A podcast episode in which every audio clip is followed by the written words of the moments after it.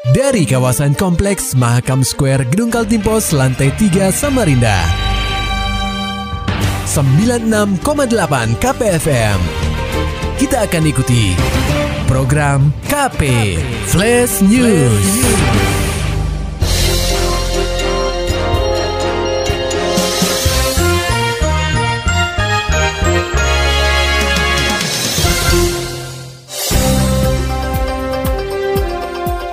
Anda sedang menyimak program KP Flash News bersama saya Agung Pratama. Dalam sebuah survei global terhadap 146 negara pada tahun 2021, Indonesia menempati peringkat ketujuh sebagai negara paling religius di dunia. Memang, bagi masyarakat Nusantara, agama dianggap mampu menjadi kompas dalam menentukan tujuan hidup dan praktik kehidupan sehari-hari. Karakteristik ini ditangkap Badan Kependudukan dan Keluarga Berencana Nasional atau BKKBN RI dengan berupaya melibatkan penyuluh agama daih dan daiyah dalam menyebarluaskan program-program seperti upaya percepatan penurunan angka stunting di Indonesia. Program itu pun diwujudkan melalui kegiatan halakoh nasional dengan tema besar pelibatan penyuluh agama, dai dan daiyah untuk mendukung percepatan penurunan stunting di Istana Wakil Presiden RI Kamis 6 Oktober 2022. Kegiatan ini dihadiri langsung oleh Wakil Presiden RI Ma'ruf Amin, Menteri Agama Yakut Khalil Kaumas, serta Kepala BKKBN RI Hasto Wardoyo. Dalam kesempatan ini, Hasto mengatakan bahwa angka stunting Indonesia masih berada di angka 24,4 persen. Padahal standar dari World Health Organization atau WHO sendiri berada di angka 20 persen. Berbagai cara dilakukan agar angka stunting pada tahun 2024 bisa mencapai 14 persen sesuai target dari Presiden Republik Indonesia. Tentu kami percaya bahwa melalui halakoh nasional bersama para ulama para dai, daiyah dan juga seluruh jajaran penyuluh agama di seluruh Indonesia, maka insya Allah percepatan penurunan stunting dengan meningkatkan pengetahuan kepada masyarakat akan lebih cepat tercapai. Menteri Agama Yakut Kolil Kaumas menambahkan bahwa keterlibatan penyuluh agama, dai dan daiyah dalam menyebarluaskan informasi tentang bahaya dan pencegahan stunting merupakan langkah yang tepat. Tentunya materi tentang stunting ini nantinya akan disisipkan ke dalam ceramah khotbah dan tausiah mereka yang menyelaraskan dengan ajaran agama Islam. Secara teknis memang terlihat mudah, namun hal ini menjadi tantangan sendiri bagi penceramah agar masyarakat mampu memahami bagaimana mencegah dan mengatasi stunting. Oleh sebab itu, Yakut berharap adanya dukungan dari BKKBN RI untuk memberikan pembekalan terlebih dahulu kepada penyuluh agama, dai dan daiyah. Kami akan terus memperkuat peran penyuluh agama di tengah masyarakat bersama para dai dan daiyah kita juga terus akan meningkatkan kualitas bimbingan masyarakat. Tadi sebelum acara ini bahwa Presiden Pak Transit kami sempat berdiskusi dengan Pak Hasto. Selain para dai daiyah yang perlu diberikan penguatan, petugas KUA itu juga perlu diberikan penguatan karena di KUA itu ada satu fungsi bimbingan perkawinan seperti tadi sudah disampaikan oleh Pak Hasto agar ada pembekalan kepada para petugas kami dalam memberikan bimbingan perkawinan terkait dengan penurunan stunting pada calon pengantin. Sementara itu, Wakil Presiden Republik Indonesia Ma'ruf Amin menjabarkan bahwa dalam kurun waktu satu windu ke depan, Indonesia akan memperoleh bonus demografi, di mana jumlah penduduk usia produktif akan lebih tinggi dibanding usia anak-anak dan lanjut usia. Namun di tengah peluang tersebut, Indonesia masih dibayangi tantangan, Mengutip studi status gizi Indonesia pada tahun 2021, Maruf Amin menambahkan, satu dari empat balita Indonesia masih mengalami stunting. Akibatnya, masalah ini dapat menghambat bonus demografi yang akan diperoleh Indonesia pada periode 2030 sampai 2040 mendatang. Sehingga perlu ada keterlibatan semua pihak untuk menyebarkan informasi terkait bahaya dan pencegahan stunting. Semoga melalui dakwah yang sejuk dari para da'i, da'iyah dan para penyuluh agama, kesadaran dan kepedulian masyarakat terhadap stunting kian meningkat demi terwujudnya cita-cita mencetak generasi muda bangsa yang sehat, cerdas, unggul dan berdaya saing. Lewat kerjasama seluruh pihak termasuk penyuluh agama, da'i dan da'iyah, Maru berharap hal ini dapat menumbuhkan kesadaran dan kepedulian masyarakat mengenai stunting demi terwujudnya cita-cita mencetak generasi yang sehat, cerdas, unggul, dan berdaya saing. Pendengar KP, seorang anak laki-laki bernama Adli Agil dilaporkan hilang tenggelam ketika tengah asik bermain perosotan bersama tiga temannya di tepi sungai Karangmumus atau SKM.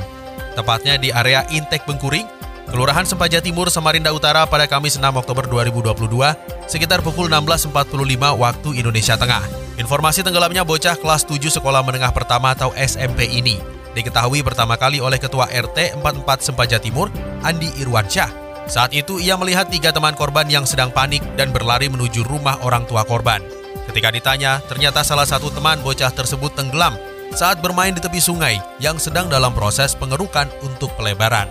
Uh, lebih 45 menit tadi, kemudian uh, saya bagus, bagus, bagus. dengan spontan bawa ban karena saya juga kurang kuat berenang ya warga setempat ada satu dua orang aja lah yang berenang. Kronologisnya sampai tercebur bagaimana tadi informasinya awalnya? Informasi dari teman pelaku uh, uh, korban katanya dia memang kepingin mau berenang hmm. jadi di dicoba dibantu untuk uh, dinaikkan kembali tapi nggak nggak nggak bisa nggak bisa Tak lama berselang, tiba jajaran Polsek Sungai Pinang untuk membantu upaya pencarian. Kanit Reskrim Polsek Sungai Pinang, Ibda Bambang Suheri menerangkan, dari hasil pemeriksaan kepada tiga orang teman korban, diketahui bahwa dua orang di antara bocah tersebut tidak bisa berenang. Anak itu berempat posisi berenang. Berenang ya? Informasi dari interogasi di lapangan bahwa dua di antaranya tidak bisa berenang. Mm -hmm. Bermain-main mulai jam 4 sore. Kemudian salah satunya eh, terbawa arus ya? ke tengah. Nah. Sementara kami dari teman-teman masih melakukan pencarian. Beberapa jam berselang, Regu Unit Siaga SAR Samarinda tiba di lokasi kejadian untuk membantu proses pencarian. Upaya penyelaman dilakukan dengan melibatkan dua orang penyelam untuk menyusuri dasar sungai. Namun sampai hari berganti, tubuh anak 12 tahun itu tak kunjung ditemukan. Hingga saat ini proses pencarian masih terus dilakukan dengan melibatkan instansi lain, unsur relawan, serta masyarakat sekitar. Namun upaya pencarian masih belum membuahkan hasil. Dari dunia hukum dan kriminal, pendengar KP diupah 25 juta rupiah dari tiga narapidana. Bibi dan keponakan kompak jadi kurir sabu.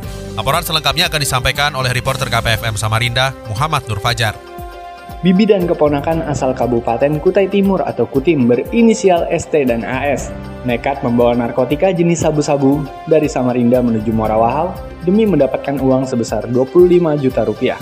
Nahasnya, saat mengambil barang haram itu di pos kamling perumahan tepian, Jalan PM Nur Samarinda, keduanya justru dibekuk oleh jajaran Satres Narkoba Polresta Samarinda pada Selasa 4 Oktober sekitar pukul 2.30 waktu Indonesia Tengah. Di dalam tas ransel yang ditemukan, terdapat dua bungkus kopi berisi sabu-sabu dengan berat total mencapai 2 kg. Lantas kedua pelaku langsung dibawa ke Mako Polresta Samarinda untuk menjalani penyidikan. Kapolresta Samarinda, Kombes Pol Arif Adli mengatakan, berdasarkan hasil pemeriksaan, diketahui bahwa narkotika itu dikendalikan oleh tiga warga binaan pemasyarakatan atau WBP yang berada di lembaga pemasyarakatan atau lapas Bontang, yakni berinisial RK, SN, dan KR. Ketiganya pun juga ditetapkan sebagai tersangka atas keterlibatannya dalam kasus ini. Pak, tiga orang narapidana yang ada di lapas, perannya pemilik atau gimana? Pemesan. Ya, jadi mereka yang meminta kedua orang ini, kurir ini untuk mengambil dengan imbalan 25 juta rupiah. Sedangkan pemilik barang masih dalam pendalaman kita karena barang itu diletakkan di jalan ya. Jadi ini yang menjadi kesulitan kita. Kita coba men-tracking dan coba memaksimalkan penyelidikan untuk bagaimana mengejar asal usul barang tersebut. Lebih lanjut Bibi dan keponakannya ini akan dijerat dengan pasal 114 ayat 2, subsidi pasal 112 ayat 2, junto pasal 132 ayat 1, Undang-Undang RI nomor 35 tahun 2009 tentang narkotika dengan ancaman hukuman maksimal 20 tahun penjara. KPFM Samarinda, Muhammad Nur Fajar melaporkan. Pendengar KP ribuan warga Samarinda antri sembako murah pada pasar rakyat di Gor Segiri Samarinda. Berikut laporan rekan kami, Maulani Alamin. Warga Samarinda berbondong-bondong hadir dalam pasar rakyat dan bazar UMKM dari BUMN yang terselenggara di halaman Gor Segiri Kamis 6 Oktober 2022. Pasar rakyat tersebut menyuguhkan bahan pokok dengan harga terjangkau. Masyarakat dapat membeli 5 kg beras, 1 kg gula pasir, dan 1 liter minyak goreng seharga Rp55.000. Selain itu, Pasar rakyat juga menghadirkan 50 pelaku UMKM lokal yang menjual berbagai macam produk, mulai kuliner hingga kerajinan tangan. Terdapat 4.000 warga Samarinda pemegang kupon yang rela mengantri untuk mendapatkan bahan pokok murah tersebut. 2.000 di antaranya merupakan nasabah PT Permodalan Nasional Madani atau PNM yang masuk dalam program Mekar. Staf khusus Menteri Badan Usaha Milik Negara atau BUMN, Arya Sinulingga menjelaskan, Mayoritas pembeli bahan pokok adalah pelaku usaha ultramikro binaan PNM. Kendati demikian, pasar rakyat ini digelar untuk mengenalkan kepada masyarakat bahwa BUMN memiliki lembaga yang dapat membantu pelaku usaha di sektor permodalan, yakni program Mekar.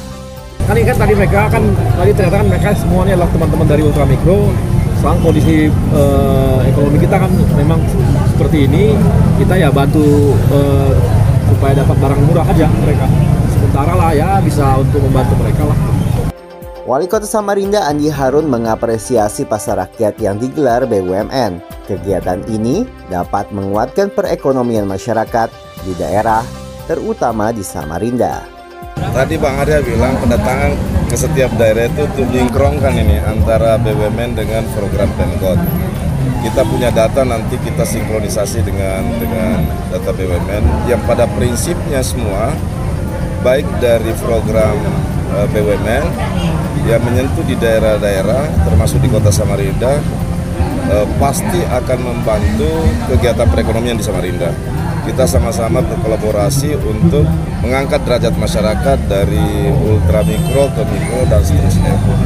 Diinformasikan Membina Ekonomi Keluarga Sejahtera atau MEKAR adalah program PT PNM yang diluncurkan sejak 2015 lalu. Program ini memberikan layanan khusus bagi perempuan prasejahtera yang masuk kategori pelaku usaha ultramikro. Program Mekar membantu masyarakat yang ingin memulai usaha maupun mengembangkan usaha. KPFM Samarinda, Maulani Al-Amin, melaporkan. Maulani Alamin, Muhammad Nur Fajar, KPFM Samarinda. Serta dapatkan berita-berita selengkapnya di www.968kpfm.co.id. Demikian tadi telah kita simak rangkaian berita-berita yang terangkum dalam program KP Flash News. Persembahan dari 96,8 KPFM. Terima kasih dan sampai jumpa.